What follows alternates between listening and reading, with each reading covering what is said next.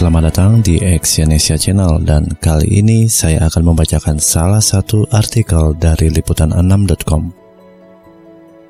Dewasa ini kesabaran barangkali menjadi barang langka. Banyak orang sulit untuk bersabar, padahal banyak konflik dan pertikaian terjadi hanya karena kurang sabar. Mengingat pentingnya kesabaran dewasa ini, berikut ini adalah seni mengelola kesabaran yang dapat Anda coba. Yang pertama adalah diam saat marah. Salah satu cara bersabar adalah diam jika Anda sedang marah.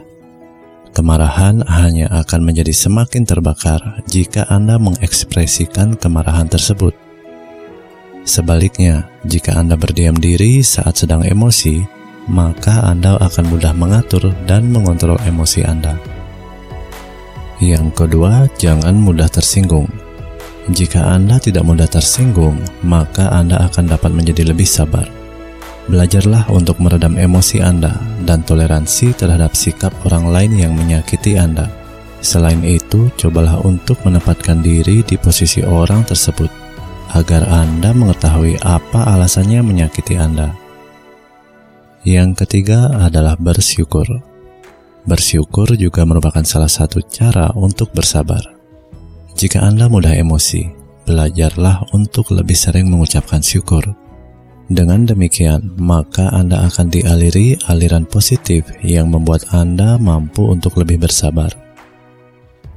Yang keempat, berpikir positif. Selain mengucap syukur, berpikir positif juga dapat membuat Anda lebih bersabar.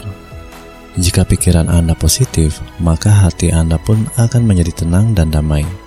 Anda dapat mengelola emosi Anda dengan baik dalam keadaan yang positif. Yang kelima adalah tersenyum. Orang yang murah senyum akan lebih positif dan hari-harinya pun akan lebih ringan. Dengan demikian, orang yang murah senyum tidak mudah untuk marah dan cenderung lebih bersabar dalam menghadapi segala sesuatu dalam kehidupan. Yang keenam adalah berdoa. Berdoa merupakan cara terbaik untuk mewujudkan kesabaran. Berbicara dengan Sang Pencipta membuat Anda merasa lega dan damai, serta mengusir segala jenis amarah yang berkecamuk dalam hati Anda. Demikianlah audio artikel yang saya kutip dari liputan6.com dan silakan cek link di bawah ini untuk membaca artikel terkait di liputan6.com.